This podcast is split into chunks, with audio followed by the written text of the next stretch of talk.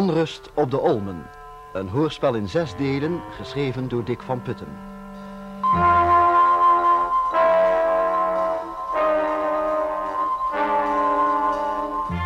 Zesde en laatste deel, De rust keert weer.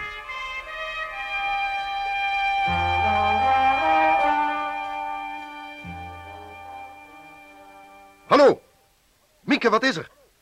Hallo! Meneer Volkers, ik heb het toestel even overgenomen. U hebt toch duidelijk gehoord met wie u sprak, nietwaar? Wie ben je? Laten we zeggen, u spreekt met Arends. Ik geloof dat wij zaken kunnen doen, meneer Volkers. U hebt iets in uw bezit wat ik graag wil hebben... en ik heb iets waar u nogal waarde aan hecht. Wat dacht u ervan? Wat wil je van me? De lode pijp die dat oude mens uit het graf gehaald heeft. De lode pijp en diamanten. Daar ben je inmiddels al achter gekomen, neem ik aan. Ik weet niets van diamanten. Werkelijk niet? Dat is dan heel spijtig voor je. Volkers, ik maak geen grapjes. Het is met bittere ernst. Dat is je misschien al gebleken. Er staat nog een mensenleven op het spel. Het gaat om de diamanten of het meisje. Wat wil je? Goed. Je hebt gewonnen. Zeg het maar. Heel verstandig. Luister. Dat meisje wordt nu ergens naartoe gebracht. Om een uur of zeven kunnen ze op de plaats van bestemming zijn. Een uur daarvoor, dus om zes uur precies, kom ik met nog iemand naar jou toe. Jij overhandigt mij de pijp met de diamanten en na een kleine controle gaan wij er weer vandoor. Dat meisje wordt vrijgelaten als wij ook op die bepaalde plaats zijn aangekomen. Welke garantie heb ik dat dat ook werkelijk gebeurt? Dat is een kwestie van elkaar vertrouwen, Volkers. Maar als jij het spel speelt volgens de regels, zal ik mij er ook aan houden. Duidelijk? Ja. Mooi zo. Het is voor beide zijden prettig dat we elkaar goed begrijpen. Dus misschien een overbodige waarschuwing. Eén smerigheidje van jouw kant en dat meisje zie je niet meer terug. Begrepen? Begrepen. Goed. Tot zes uur. Zo. Die kunnen nog twee uurtjes sidderen. Dan zijn ze zo gaar als boter. Jij hebt er inmiddels weer naar boven gebracht, merk ik. En voor de zekerheid heb ik er toch maar vastgebonden en een prop in de mond gestopt. Ik blijf hier beneden op bos wachten. Bel jij hem op en zeg dat hij over een minuut of twintig hier moet zijn. Goed. Dan ga ik er nu vandoor. Zoals afgesproken ga ik eerst naar mijn hotel. En dan wacht ik jou om vijf uur bij dat cafeetje. In orde. Tot straks. Tot straks.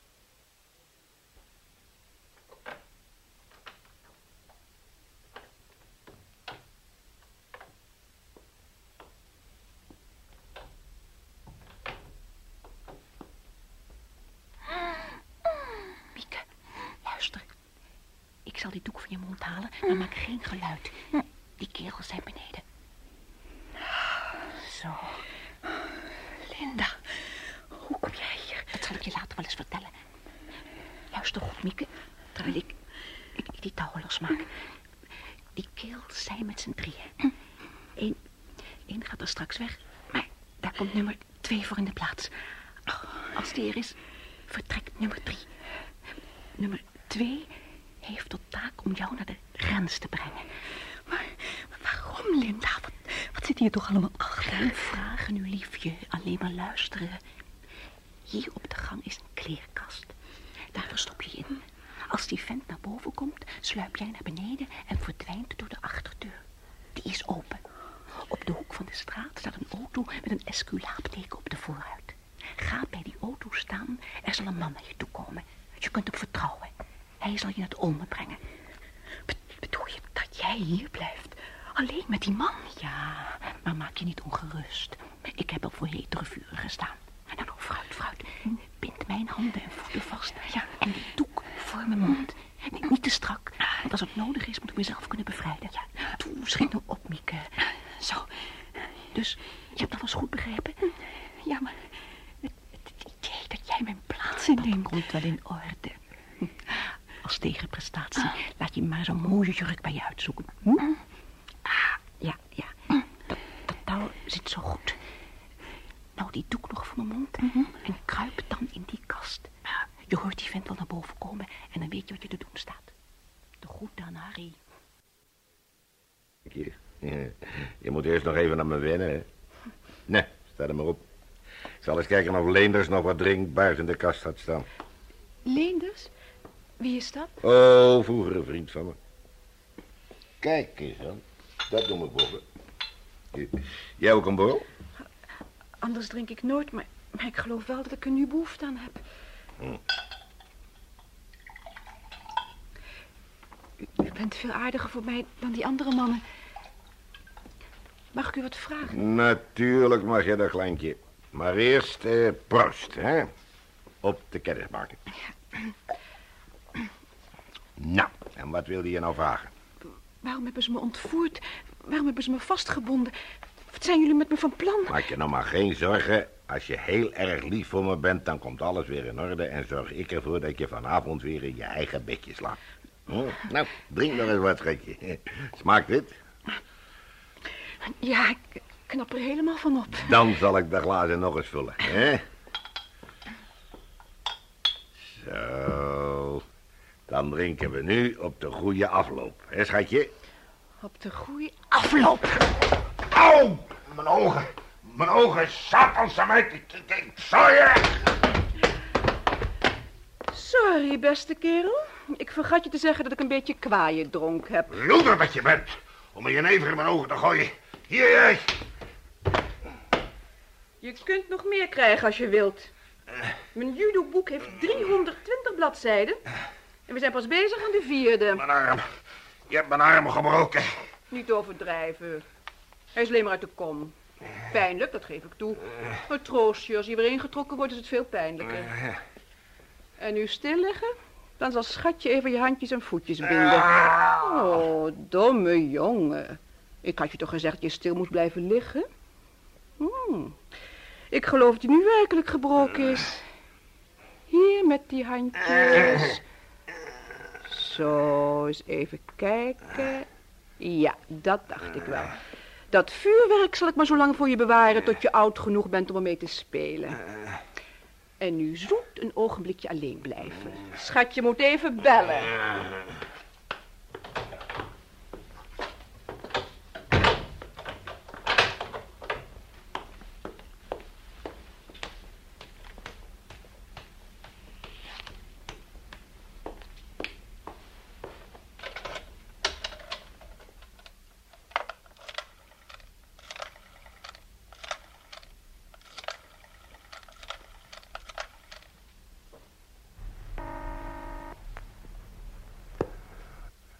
Hallo, Met de kleine Linda, chef. Linda. Alles in orde? Prima. Mieke is al onderweg. Weet ik. Ik heb via de mobielefoon contact gehad met Reinders. Ik ga nu Harry bellen, maar ik wilde eerst bericht van jou afwachten. Kunt u een paar mannetjes sturen om die vent hier vandaan te halen? Komt in orde. Laat ze stoffer een blik meenemen. Zeg, blijf jij daar wachten tot ze geweest zijn? En kom dan hier naartoe. Afgesproken.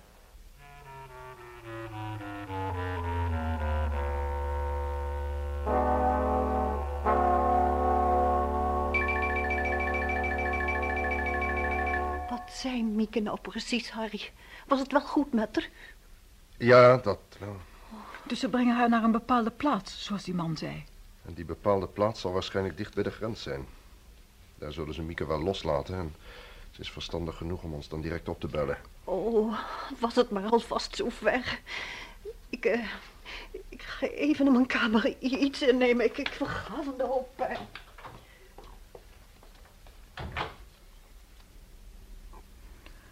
Harry, zeg me eens eerlijk. Geloof jij werkelijk dat ze haar weer vrij zullen laten? Ja, dat geloof ik wel. Als ze de buiten in handen hebben, is Mieke toch niet meer belangrijk voor ze. Nee, maar net wat tante Betty zegt, dat is juist zo'n angstige gedachte. Die kerels staan voor niets, dat hoef ik je niet te zeggen. Denk maar aan Thomas en aan Greetje. Zelfs een van hun eigen konuiten hebben ze van het leven beroofd. Ik onderschat de toestand heus niet, tante. Daar moet je me één ding beloven. Wat?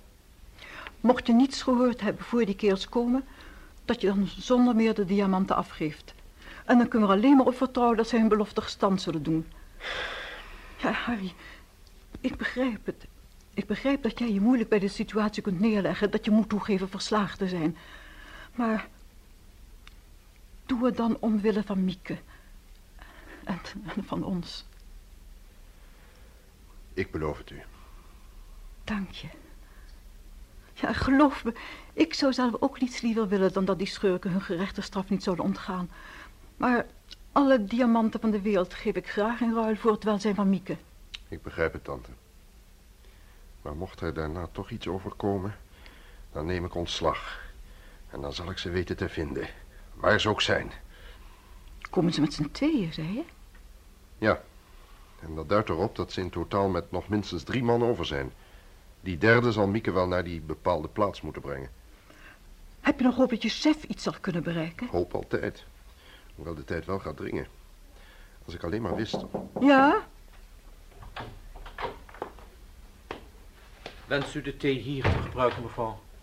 Ach, zet dat maar neer, Gerard. Maar ik geloof niet dat ik er veel zin in heb. Dank je wel. Tante Helen, nu Gerard er toch is, geloof ik dat het verstandig zou zijn om hem in vertrouwen te nemen. Hij zal ons kunnen helpen. Hebt u daar bezwaar tegen? Als je denkt dat het nuttig is. Natuurlijk niet. Ja, ik geloof dat het nuttig kan zijn. Gerard, ik wilde even met jou praten. Ja, meneer Volkers. Je hebt wel begrepen dat er hier de laatste tijd heel bijzondere dingen zijn gebeurd. De moord op Thomas, de moord op Greetje. Meer hoef ik je al niet te zeggen. Nee, meneer. En natuurlijk heb ik mij wel afgevraagd wat hier allemaal achter zit. Dat zal ik je zeggen, Gerard. Op voorwaarde dat je er met niemand over spreekt. Dat beloof ik u.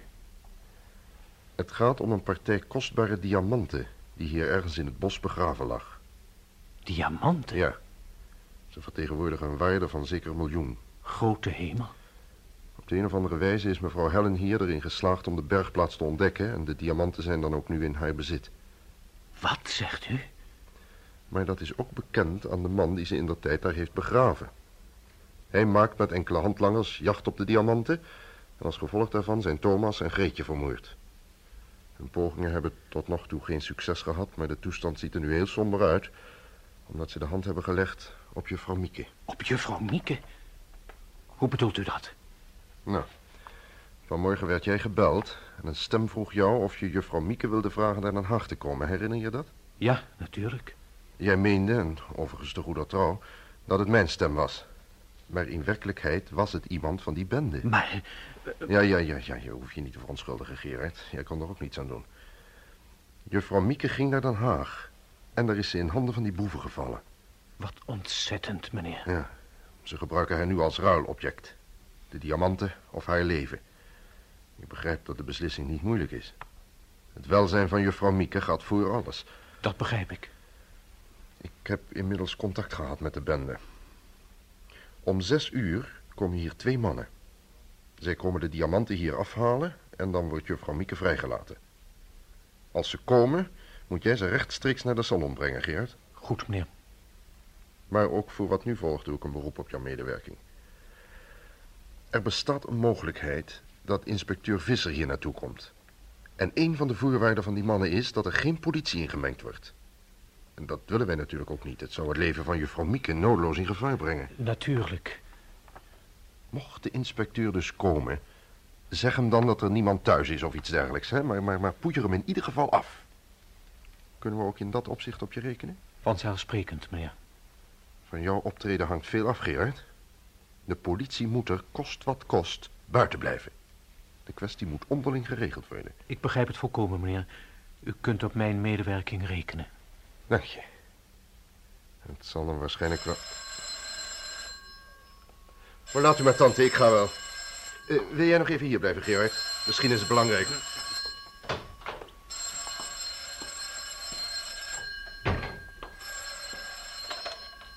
Hallo? Harry, met Charlie. En? Weet je iets? Alles is in orde.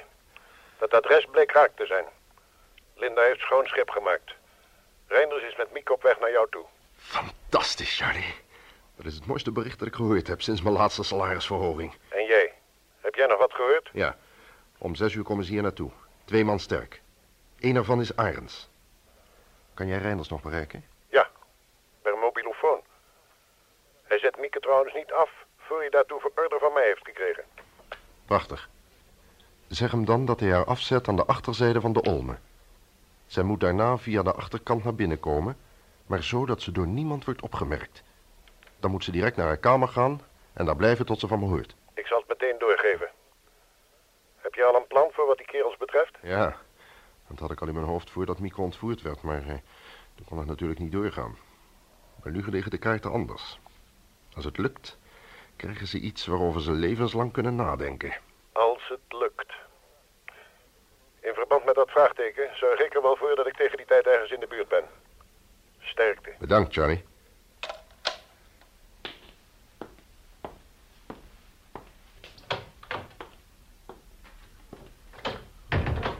Wat was er, Harry? Een van die kerels. Weer met de waarschuwing er vooral geen politie in te halen, want anders... eh, Enfin, u begrijpt me wel. Je merkt dus hoe belangrijk jouw aandeel is, Gerard. U kunt op mij vertrouwen, meneer.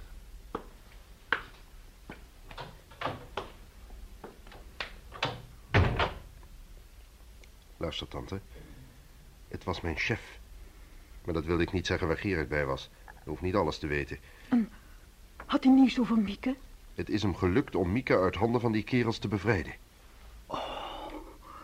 Oh, de hemel zij dank. Oh, wat heerlijk. Oh, Harry. Maar heeft u dat zelf gedaan? Nee, dat is het werk van een heel charmante jonge dame. Een jonge dame? Goeie genade, hebben jullie die ook in dienst? U zult haar hoop ik nog wel eens ontmoeten, want ze is een vriendin van Mieke geworden. Mieke is nu op weg hier naartoe. Met een minuut of twintig kan ze weer bij ons zijn. Oh, maar wat heerlijk. Dat ga ik gauw aan Betty nee, nee, vertellen. nee, nee, nee, nee. Dat moet u nou juist niet doen. Maar waarom niet? De stakker is helemaal overstuur. Tante Helen, luister. Zolang die kerels Mieke in handen hadden, konden we niets doen. Maar nu is de situatie anders. U zei zo even toch dat u niets liever zou willen dan dat die schurken hun gerechte straf zouden krijgen? Ja. Nou, die zullen ze krijgen. Maar een voorwaarde daarvoor is dat buiten ons tweeën niemand weet dat Mieke weer vrij is. Ook tante Betty niet. Ze is nou eenmaal heel anders dan u. Door haar houding zou ze in staat zijn om alles te verraden. Dus hoe erg ik het ook voor haar vind, voorlopig moet ze nog even in onzekerheid blijven. Ja, misschien heb je wel gelijk. Maar wat ben je nu van plan te doen, Harry? Je wil natuurlijk die kerels onschadelijk maken, maar hoe? Ze zijn met z'n tweeën en ze zijn natuurlijk gewapend. Ongetwijfeld. En daarom moeten we de zaak zeer zorgvuldig aanpakken... om niet nog meer slachtoffers te maken. Bent u bereid me daarbij te helpen? Ik? Oh, maar natuurlijk, Harry. Nu meer dan ooit. Maar kan ik dat? Misschien wel. Luister goed. Zodra Gerard die kerels heeft binnengelaten... zal ik ervoor zorgen dat ik...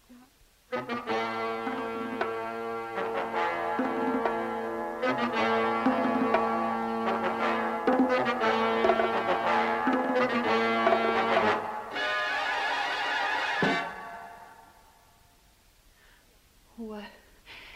hoe laat is het nu? Ah, Kwart voor zes. Nog een kwartier. Met dat heen en weer schiet je niets op, Betty. Ga toch eens rustig daar in die stoel zitten. Rustig. Hoe kan iemand nou rustig zijn als er over een kwartier een paar moordenaars op bezoek komen? Och, ze gaan toch weer weg ook? Even de diamant in ontvangst nemen en ze verdwijnen weer. En Mieke dan? Je vergeet helemaal dat haar leven op het spel staat. We moeten maar afwachten of die kerels haar werkelijk vrijlaten. Ik geloof dat je het veel te somber inziet, Betty. Natuurlijk zullen ze haar vrijlaten als ze eenmaal de buitenbezit hebben. Dat heeft Harry toch met ze afgesproken? En zelfs onder misdadigers bestaat er, hoe vreemd het ook mag klinken, een soort van erecode. Ik heb eens iets gelezen over een Oh, zekere... Alsjeblieft, Helen. Bespaar me je verhaaltjes. Daar staat mijn hoofd nou helemaal niet naar. Tante Betty, zou het niet verstandiger zijn als u naar boven gaat, naar uw kamer? Dat denk ik niet aan. Ik heb alles mee moeten maken. De dood van Thomas, de, de, de dood van Greetje en van die man zonder pink. En ik, ik wil er nou ook bij zijn als er een einde komt aan die verschrikking. Nee, nee, Harry, dat zou je me niet uit mijn hoofd praten. Goed, zoals u wilt. Maar ik ben het met tante Helen eens dat u moet proberen wat kalm te blijven. Die kerels zullen er alleen maar van genieten als ze zien hoe ver ze ons hebben gekregen. Ja, ja, misschien heb je wel gelijk. Goed, ik zal mijn best doen. Goedemiddag, dames. Volkers, mag ik zo vrij zijn door de tuindeuren binnen te komen? Goedemiddag, Goedemiddag, dokter. dokter. Natuurlijk komt u verder. Eh, Dank je voor je telefoontje, Volkers. Zoals je ziet ben ik direct gekomen. Is er wat bijzonders? Wat bijzonders. Die is goed. Wel, dokter, u wilt toch graag eens kennis maken met de moordenaars van Thomas, nietwaar? Tenminste, dat hebt u me toen gevraagd. Wil je ermee zeggen dat... Ja, om precies zes uur komen ze hier. Twee man sterk. En dat zijn de kerels die geprobeerd hebben om de schuld in uw schoenen te schuiven.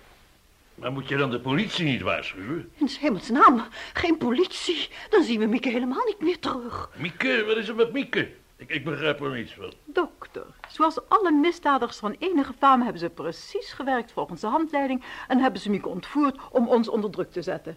Onder druk? Wa- wa- waarom dan toch? Beste dokter, dat is een heel lang verhaal, maar ik beloof u dat u alles te weten zult komen. Daar hebt u, meen ik, recht op. Het zou te veel tijd vergen om u alles uit te leggen, maar straks zal het u duidelijk worden. Misschien gebeuren er dingen die u niet zult verwachten. En daarom wil ik u vragen om precies te doen wat ik zeg. En u nergens over te verbazen, wat er ook gebeurt. Nou, ik begrijp er niet veel van, maar goed, ik, ik zal doen wat je me vraagt. Dan is nu het moment wel aangebroken, waarde dokter, dat ik u eh, van ganser harte mijn verontschuldiging wil aanbieden over mijn meer dan onhebbelijk gedrag jegens u wat de affaire Thomas betreft. Nou, dat is zeer vriendelijk van u, mevrouw Terlet. En natuurlijk aanvaard ik die verontschuldigingen gaarne. Eh, Maar, eh, maar ik had een excuus voor mijn handelwijze. Ja, ik, ik deed het namelijk in opdracht van de geheime dienst. Is het niet zo, Harry? Eh, eh, ja, ja. Zo zou je het kunnen formuleren. De noodzaak was min of meer aanwezig, dokter. Dat zal u later ook duidelijk worden. Nou, u bij de geheime dienst, mevrouw. Nou, ik val van de ene verrassing in de andere. Maar voorlopig vind ik het al prettig dat er een betere verstandhouding tussen ons bestaat. Dan geloof ik dat we nu onze plaatsen moeten gaan innemen. Eh, tante Betty, als u daar gaat zitten. Ja, Dokter, zou u daar plaats willen nemen? Ik ga achter deze tafel zitten en tante Helen, u daar. Ik zal maar een breiwerkje bijnemen. Dan heb ik tenminste de indruk dat ik nog iets nuttigs doe. breien. Hoe kun je in 's hemelsnaam gaan zitten breien? Och, dat is mijn manier om de spanning af te reageren. De bel. Daar zullen ze zijn. Precies zes uur. Het zijn in elk geval mensen van de klok.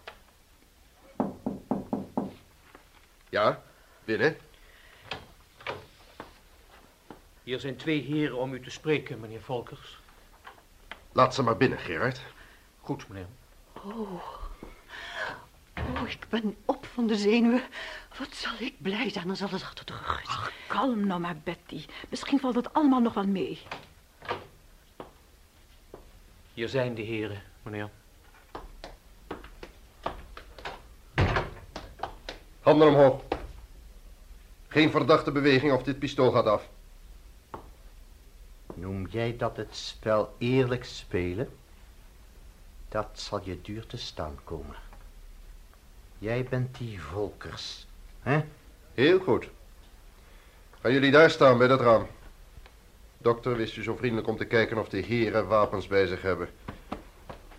Ja, allebei een revolver. Gooi ze maar uit het raam, zodat ze er niet meer bij kunnen.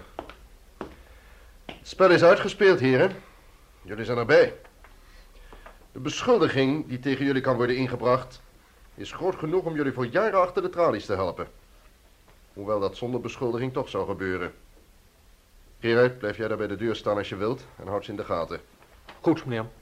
En waar wil jij ons van beschuldigen? Van heel wat. Ten eerste van de moord op Thomas, de boswachter.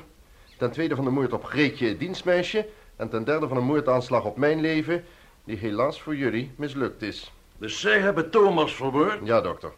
Zij waren in het bos op zoek naar iets toen zij Thomas tegenkwamen. Thomas herkende ze, althans één ervan.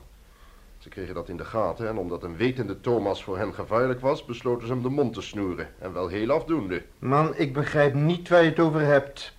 Ik heb nog nooit van een Thomas gehoord. Laat staan hem gezien. Oh nee? Dan zal ik je uit de droom helpen. Jij kent hem al heel lang. Al vanaf 1943. Toen je hier in huisje intrek nam. 1943, dat was de oorlog. Ik begrijp er niets van. Dat wil ik graag geloven, dokter. En daarom zal ik trachten het te verklaren. De affaire is begonnen in de oorlog. Deze meneer hier diende toen als officier bij de SS. In een heel vies baantje. Als zodanig kreeg hij te maken met een Joodse diamanthandelaar in Den Haag, een zekere Daniel Salomonsson.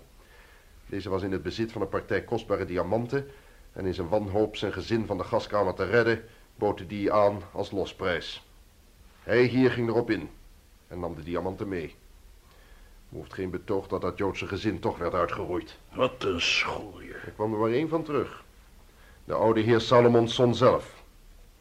Hij vertelde later wat er gebeurd was. Maar nu keren we weer terug naar meneer Arends hier. Het was inmiddels september 1944 geworden. De Amerikaanse legers rukten snel op en de dolle dinsdag kwam. Duitse troepen werden uit Nederland verplaatst. Daar zat Arends met zijn partij diamanten. Waar moest hij ermee heen? Bij zich houden zou een te groot risico zijn. Ze in het huis verbergen eveneens. Het zou immers gebombardeerd kunnen worden. Toen kwam hij op een inderdaad geniale gedachte. Hij wist dat Thomas zijn doodgeschoten hond had begraven in het bos. Een betere bergplaats leek hem niet denkbaar. De op het graf liggende steen zou de plaats later makkelijk vindbaar maken. De ontwikkeling van de oorlogshandelingen stak echter een spaak in het wiel. Hij kreeg geen gelegenheid meer om terug te komen. Aan de grens werd hij door de Amerikanen gevangen genomen, uitgeleverd en hier veroordeeld tot de doodstraf. Die werd later omgezet in levenslang. Klopt het tot dusver met de feiten, meneer Arends? Man, je bent krankzinnig. Dat verhaal kan misschien wel waar zijn, maar dan staat het op een ander. Ik heb nooit iets met de SS of de Duitsers te maken gehad. Dat heb ik er meer horen zeggen. Maar Volkers, als hij tot levenslang is veroordeeld, hoe kan hij dan nou hier zijn? Dat is een verhaal apart. Dat zult u ook horen. Maar eerst deze kwestie afhandelen.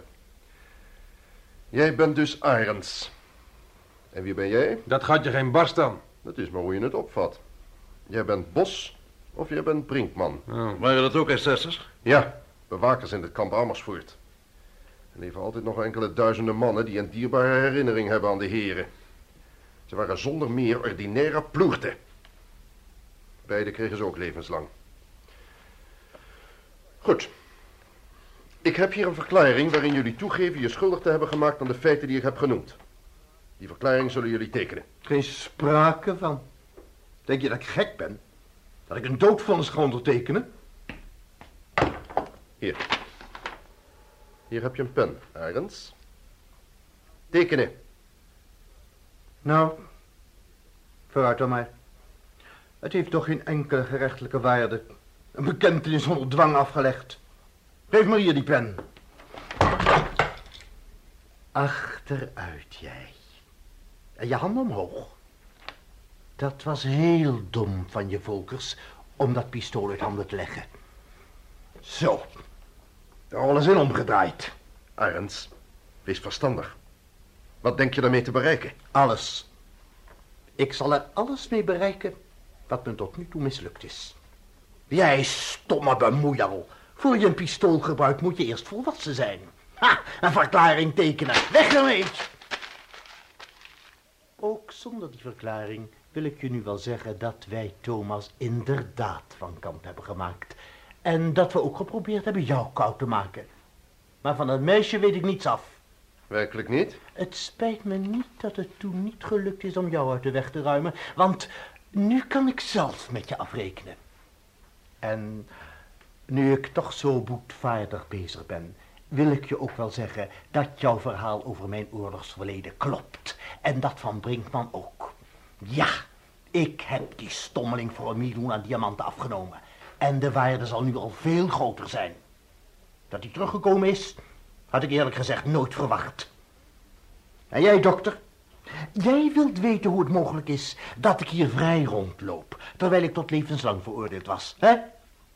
Dat zal ik je vertellen. Wij zouden nog steeds in die smerige gevangenis van Breda hebben gezeten, als het ons niet was gelukt om op tweede kerstdag 1953 met zeven man te ontsnappen. Rechtstreeks naar Duitsland, dat begrijp je. Daar waren we veilig. Maar de gedachte aan de schat die hier lag begraven liet je toch niet met rust? Allicht niet. Ik zocht contact met een paar oude vrienden die in dezelfde situatie verkeerden. En in dit jaar, 1960, durfden wij het op te wagen. Wij hadden speciaal de vakantieperiode uitgezocht en dat bleek heel verstandig. Wij hebben aan de grens dan ook geen enkele moeilijkheid ondervonden. Ik had mijn kameraden een situatieschets gegeven en wij zouden als onschuldige vakantiegangers hier het bos ingaan en dat hondengraf openen. Helaas kwamen ze die boswachter tegen. Het is precies gegaan als Volkers verteld heeft. Ze namen hem te grazen. Wij konden evenwel niet weten dat die Thomas inmiddels een tweede hond had begraven. En per abuis maakten zij het verkeerde graf open. Maar zij vonden natuurlijk niets. Dat heeft aanvankelijk tot enig misverstand geleid. Maar die breiende juffrouw daar wist wel van die twee graven. Gebruikte haar verstand en zie, de schat kwam naar boven. Is het niet zo? Ja, u hebt volkomen gelijk, meneer uh, Arend. Dat valt ook moeilijk te ontkennen, want ik was het die je vannacht zag graven. Ik had er alleen niet op gerekend dat Volker zou beginnen te schieten. Anders had ik je wel te pakken genomen. Maar genoeg gepraat. Het enige wat jullie nu te doen hebben... is mij die lode pijp met diamanten te overhandigen. Je kunt naar de bliksem lopen. Weet jij dat zeker, Volkers? Het is niet alleen jouw leven dat op het spel staat... maar ook dat van een bepaalde jonge dame... die ik in mijn macht heb. De diamanten of haar leven? Harry, we kunnen toch immers niks doen. Mieke is mij heel wat meer waard dan een stelletje diamanten. Geef ze hem toch. Meent u dat werkelijk? Ja, er blijft ons toch geen keus. Denk aan Mieke. O, Helen, zeg jij toch ook eens wat? Je zit er maar te breien of de hele zaak je geen steek aan gaat. Ha, daar laat ik er net invallen. Wat? Steek? Ach, je moet me ook niet zo afleiden, Betty. Ja, Harry, ik geloof dat het ook beter is als je die diamanten maar afgeeft. Goed. Zoals u wilt. Die lode pijp ligt onder de kast. Ga kijken, Brinkman. Ik hou hem in de gaten. Ik waarschuw je, Volkers, als je nog meer grapjes wilt uithalen. In deze omstandigheden hecht ik niet zoveel waarde aan een mensenleven. Ja, ik heb hem. Mooi. Maak hier voor mij op tafel het ene eind open. Kijken wat spul erin zit. Dat is goed.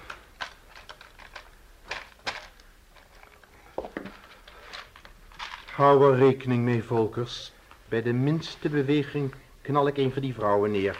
Lukt het, Brinkman? Ja. Ja, ze zitten erin. Mooi. Ja. Gooi ze weer terug. Wel, meneer Volkers, het was prettig kennis met u te maken. We gaan er nu vandoor.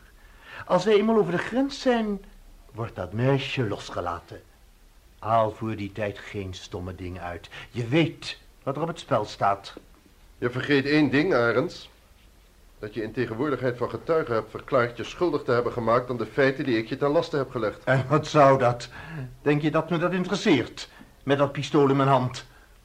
Weet je zeker dat dat pistool geladen is? Wat? Weet je zeker dat dat pistool geladen is? Vroeg ik. Probeer het maar eens. Ja, richt gerust op mij. Verdomd lelijk zwijn! Je hebt maar in laten lopen. Voor je een pistool wilt gebruiken moet je eerst volwassen zijn. Pistool of niet. Ik heb nog altijd een troef in handen. Jij doet mij niets, Volkers. Als ik vanavond om half negen niet over de grens ben, wordt er aangenomen dat er iets fout is gegaan. En dat kost dan het leven van een bepaalde jonge dame. Begrijp je me? Zou jij zo ver durven gaan, Arend? Oh ja, ik heb niets te verliezen. Zo ver durf ik te gaan. Ik geloof je. En daarom ben ik blij dat ik je ook die laatste troef uit handen kan nemen. Ja, kom maar binnen. Mieke. Dit is de echte Mieke Terlet, meneer Arends. Je zult haar ongetwijfeld herkennen. Het meisje dat jullie nu in handen menen te hebben is een ander en heus wel in staat voor zichzelf te zorgen. Geef je eindelijk toe dat het spel verloren is? Jij, jij... Jij en je vriend Brinkman worden gearresteerd wegens dubbele moord, poging tot moord en ontsnapping uit de gevangenis. Er wordt hier niemand gearresteerd. Handen omhoog, Volkers. Goed zo. Gerard, jij... Ja, ik. Dat hadden jullie niet gedacht, hè? Ik heb je nooit vertrouwd. Is het niet zo, Betty? En hoe pedant het ook klinkt, ik kijk er ook niet erg van op, Gerard. Oh, nee? Ik wist dat de heren hier in de onmiddellijke omgeving een medeplichtige moesten hebben. Ik kreeg het vermoeden dat jij het was, maar ik kon het nog niet bewijzen. Nee, ik heb het knap gespeeld, al zeg ik het zelf. Gerard, hoe is het mogelijk? Ja, ik vrees dat we hem toch echt moeten ontslaan. Zo zijn de rollen voor de tweede maal omgedraaid, Volkers. Het was verdraaid handig, die truc met dat pistool, dat moet ik toegeven. Jammer dat het niet het verlangde resultaat had. Jammer voor je dat Gerard het spelletje moest bederven. Ja, het zag er zo gunstig uit. Door dat pistool in je hand kwam jij zo ver om een paar misdaden te bekennen... en toe te geven dat je een ontsnapte SS-moordenaar bent. Jij smerige politiehond! Ah, neem me niet kwalijk. Ik vergat mezelf even. Ja, dat wij hier over Gerard beschikten... maakte de zaak wat eenvoudiger. Ik ontmoette hem een week of drie geleden in dat kroeg hier aan de weg. Hij zat er financieel niet zo gunstig voor. Een wat dure vriendin en zo. En toen ik hem voorzichtig spolste en hem een voorstel deed, ging hij daar graag op in. Wist hij van de diamanten in de bergplaats? Nee, dat heb ik hem niet verteld. Hij wist alleen dat het om iets zeer waardevols ging en dat hij daar zijn deel van zou krijgen. En dacht je dat ik mij dat door jou zou laten ontnemen, Volkers? Dan heb jij natuurlijk dat pistool in de garage van de dokter verstopt. Ja, dat was een ideetje van mij. Ik had smiddags de herrie gehoord tussen de dokter en de dames... en ik vond dat een mooie aanleiding. Vent. De ontmoeting met Thomas en zijn ontijdig einde was ons niet welkom... maar helaas niet te vermijden. Om de politie op een dwaalspoor te brengen... speelden wij dat pistool in handen van de dokter... om zodoende de aandacht van ons af te leiden. Heel handig. En dat heb je s'avonds gedaan toen je terugkwam uit de stad. Ja, eerst de vingerafdrukken eraf geveegd en het toen netjes neergelegd. Misschien heb je daar toch verkeerd aan gedaan, beste Gerard. Waarom? Wel, het was beter geweest het pistool geheel te reinigen en opnieuw te laden. Nu was het wel heel opzettelijk. Maar jullie en de politie zijn er toch fijn ingetrapt. Maar dat zal je duur te staan komen, Vlegel. Ah, hou jij je bek, kwakzalver. Je had natuurlijk ook iets te maken met die aanslag op mij. Ik vertrouwde jou vanaf de aanvang al niet, Volkers. In het café van Willem Harms was je smiddags wat al te nieuwsgierig geweest naar de omstandigheden hier. Ach, was het dat? En die zogenaamde pech met je auto vond ik ook verdacht. Ik besloot je in de gaten te houden. En zodoende hoorde ik een paar geheimzinnige telefoongesprekjes van jou. Onder andere dat dat je gisteravond naar de Clermont in Scheveningen zou gaan. En dat heb je snel aan je kornuiten doorgegeven. Precies. Maar hoe kon een aspirant-moordenaar weten of hij de juiste man voor zich had? Ik wist je autonummer, sukkel. Ach, natuurlijk. Om compleet te zijn, wij wisten dus dat jij s'avonds in de Clermont zou komen. Eén van ons ging naar binnen om jullie bezig te houden. De ander ging met zijn wagen rustig achter de jouwe staan wachten tot jij weg zou gaan. En ik maakte van jouw afwezigheid gebruik om hier in het bos op zoek te gaan naar de bergplaats. Is alles tot tevredenheid opgelost? Alleen nog de kwestie van Greetje, het dienstmeisje. Ik heb je al gezegd, daar weet ik niets van en dat meen ik. Dan kunnen we dat ook wel op rekening schrijven van Gerard, neem ik aan. Jij kunt... Ach, wat kan het mij eigenlijk nog schelen? Ja, ik heb haar van kant gemaakt. Ik dacht bij mezelf, als er kostbaarheden in huis zijn... dan liggen ze vast in de kamer van die oude tante. Het feit dat je een schurk bent... ontslaat je nog niet van de verplichting enige beleefdheid in acht te nemen... tegenover een vroegere werkgeester, Gerard. Maar ga verder. Ik besloot dus zelf ook eens op onderzoek uit te gaan. Daar was ik net mee bezig toen zij binnenkwam. Nou, toen kon ik niet anders. Om ons daarna ontsteld te komen vertellen dat er iets met Greetje was gebeurd.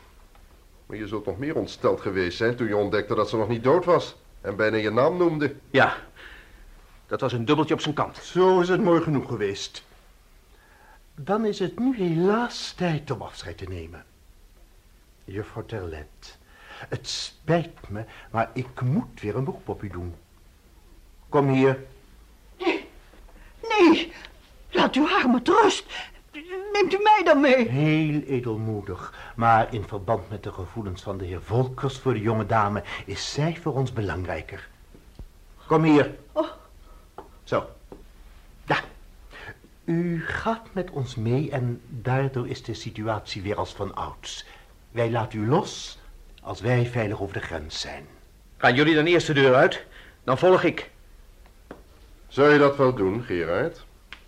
Waarom niet? Kijk eens achter je. Zo goed, Harry.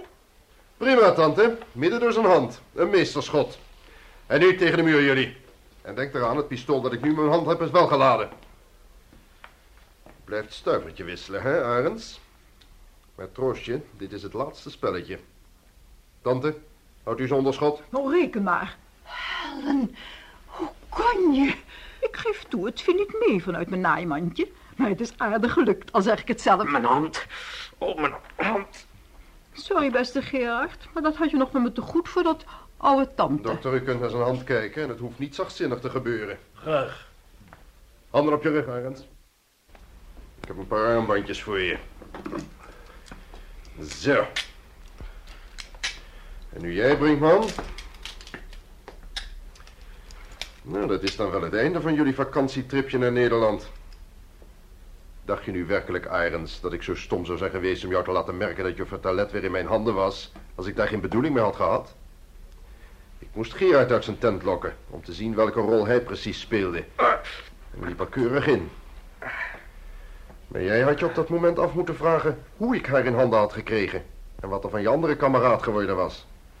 Mocht je er nieuwsgierig naar zijn, die zit op het ogenblik in een politiecel in Den Haag.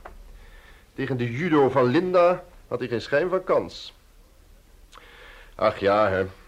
Het was weer net als met jullie soortgenoten in de oorlog. Wel grondig, maar geen fantasie. Dokter, gaat u de inspecteur bellen en vragen of hij een arrestantenwagen meebrengt.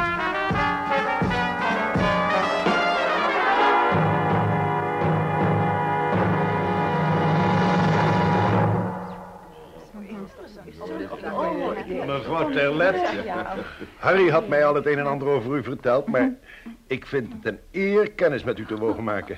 En ik wil u graag complimenteren met uw moedig gedrag in deze kwestie. Oh, dank u, dank u, meneer Lammers. Ik, ik vind het een hele grote onderscheiding voor, ja, voor het weinige dat ik eigenlijk gedaan heb. Nou? Stel je eens voor wat er gebeurd was als u had misgeschoten. Misgeschoten? Het, het idee. Misschien heeft meneer Lammers in de toekomst ook nog wel eens een karweitje voor uw tante. Wie weet, Mieke, wie weet. Oh, die laatste uren zijn een verschrikking geweest. Ik ben blij dat nou alles achter de rug is. En dat is voor een groot deel te danken aan Linda. Als het haar niet gelukt was om met die kerel af te rekenen, dan had het er nou heel somber uitgezien. Ach, kom Harry, een karweitje voor niets. Dat weet jij toch ook wel. Ja, hoe jij het hebt aangedurfd om daar alleen in dat huis achter te blijven, Linda, is me een raadsel. Zeg Linda. Ja, mevrouw. Is dat moeilijk te leren, judo? Nee, Helen, alsjeblieft niet overdrijven. Dat, eh, iets anders, Volker. Wanneer ben jij Gerard eigenlijk gaan verdenken? Met de moord op Greetje. Hij had het zo geanceneerd dat het leek alsof de moordenaar via het balkon was ontkomen. Maar dan had hij zeker voetsporen moeten achterlaten in het bloemperk eronder en die ontbraken.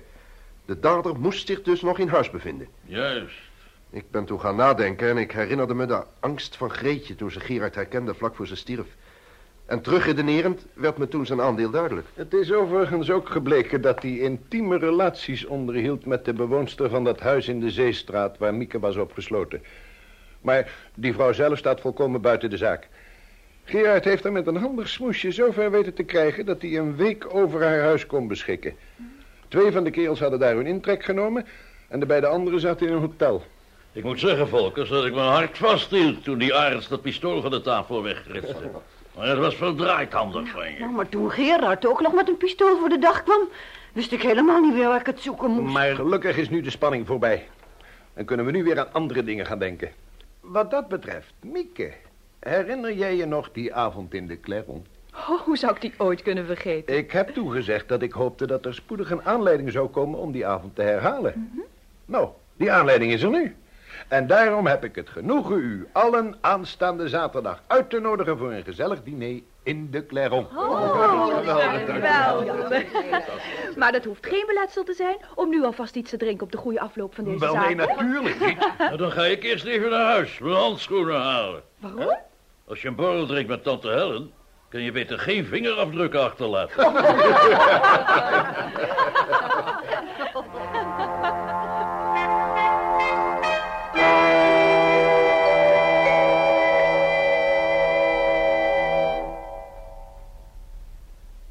De rust keert weer was het zesde, tevens laatste deel van Onrust op de Olmen. Een hoorspelserie in zes delen, geschreven door Dick van Putten. U hoorde Tom van Beek als Harry Volkers, Han Keunig als een chef, Georgette Rejewski was tante Helen, Eva Jansen speelde tante Betty, Els Buitendijk Mieke Terlet, Johan Remmels was dokter Serlé, Harry Bronk Gerard de Huisknecht, Feesia Rone Linda Kreeveld, Paul Deen, Arends, Hans Vierman, Brinkman en Rob Gerards als Bos. De regie had Dick van Putten.